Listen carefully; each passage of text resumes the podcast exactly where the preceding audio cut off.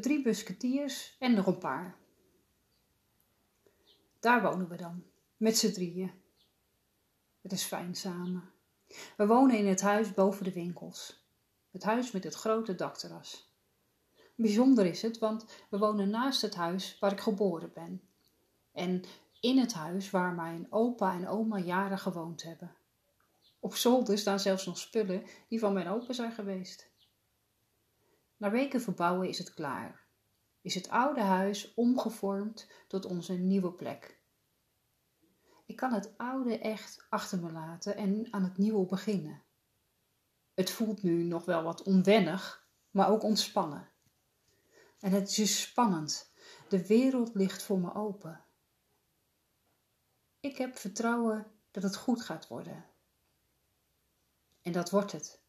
We gaan een bijzondere hectische periode in, waar we veel nieuwe, mooie herinneringen maken. Een groot deel van de tijd delen we het huis met heel veel mensen. Dan ligt de huiskamer vol matrassen, luchtbedden, mensen die slapen op banken en stoelen. Staat de tafel vol computers. Wordt er gegamed een heel weekend lang. Worden er s ochtends broodjes gebakken, eieren gemaakt, s'avonds een pan met nasi.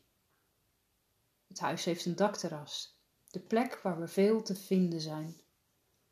Er worden spelletjes gespeeld, midden in de nacht aardappels geschild om chips van te maken.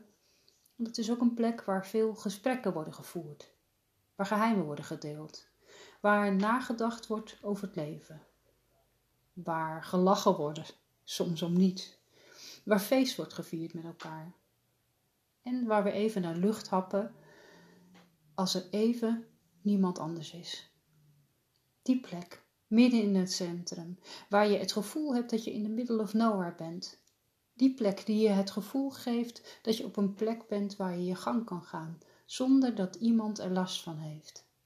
Die plek heeft goede herinneringen voor heel veel mensen en maakt deze tijd tot een tijd om nooit te vergeten. Hoe maak je de lekkerste roereieren voor velen? Stop de afbakbroodjes in de oven. Snij de uien. Snij de tomaten. Snij salami in stukjes. Als er nog meer in huis te vinden is, bijvoorbeeld champignons, prei of lenteui, snij het en voeg het naar smaak toe.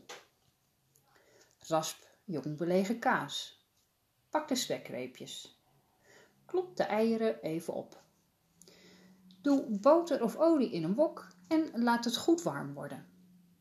Doe de spekjes erin en bak ze even uit. Doe de ui erbij en de salami en bak ze even mee. Dan het ei erbij doen en alles goed omscheppen.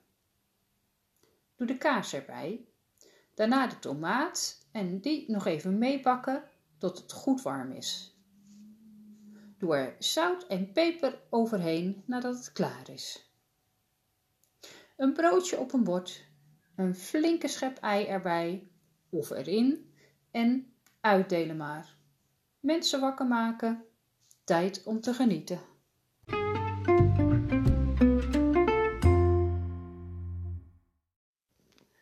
De lekkerste chips vers van de pers. Zet de frituurpan aan. Neem al de aardappels die je in het huis kan vinden en zet iemand aan het schillen.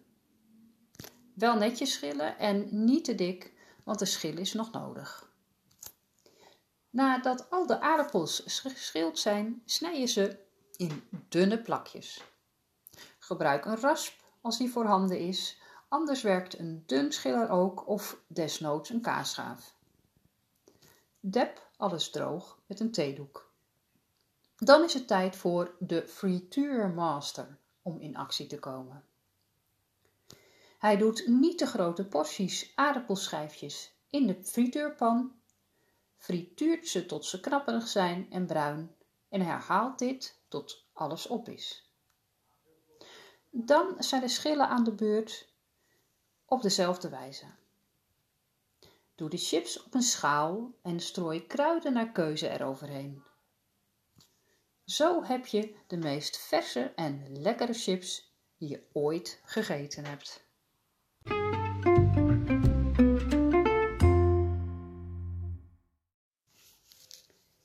Sommige momenten duren even en sommige duren voor eeuwig.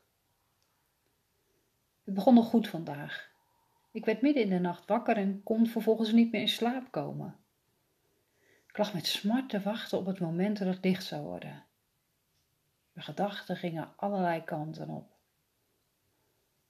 Terwijl ik daar zo lag te draaien, zag ik dat het eindelijk licht werd.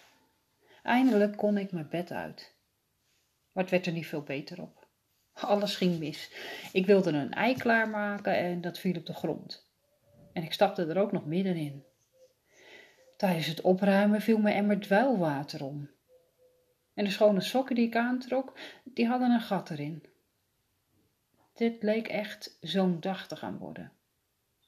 Zo'n dag die je het liefst weer vergeet. Ik besloot een stuk te gaan wandelen.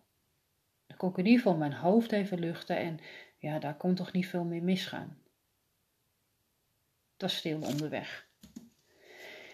Eigenlijk moest de dag nog gaan beginnen.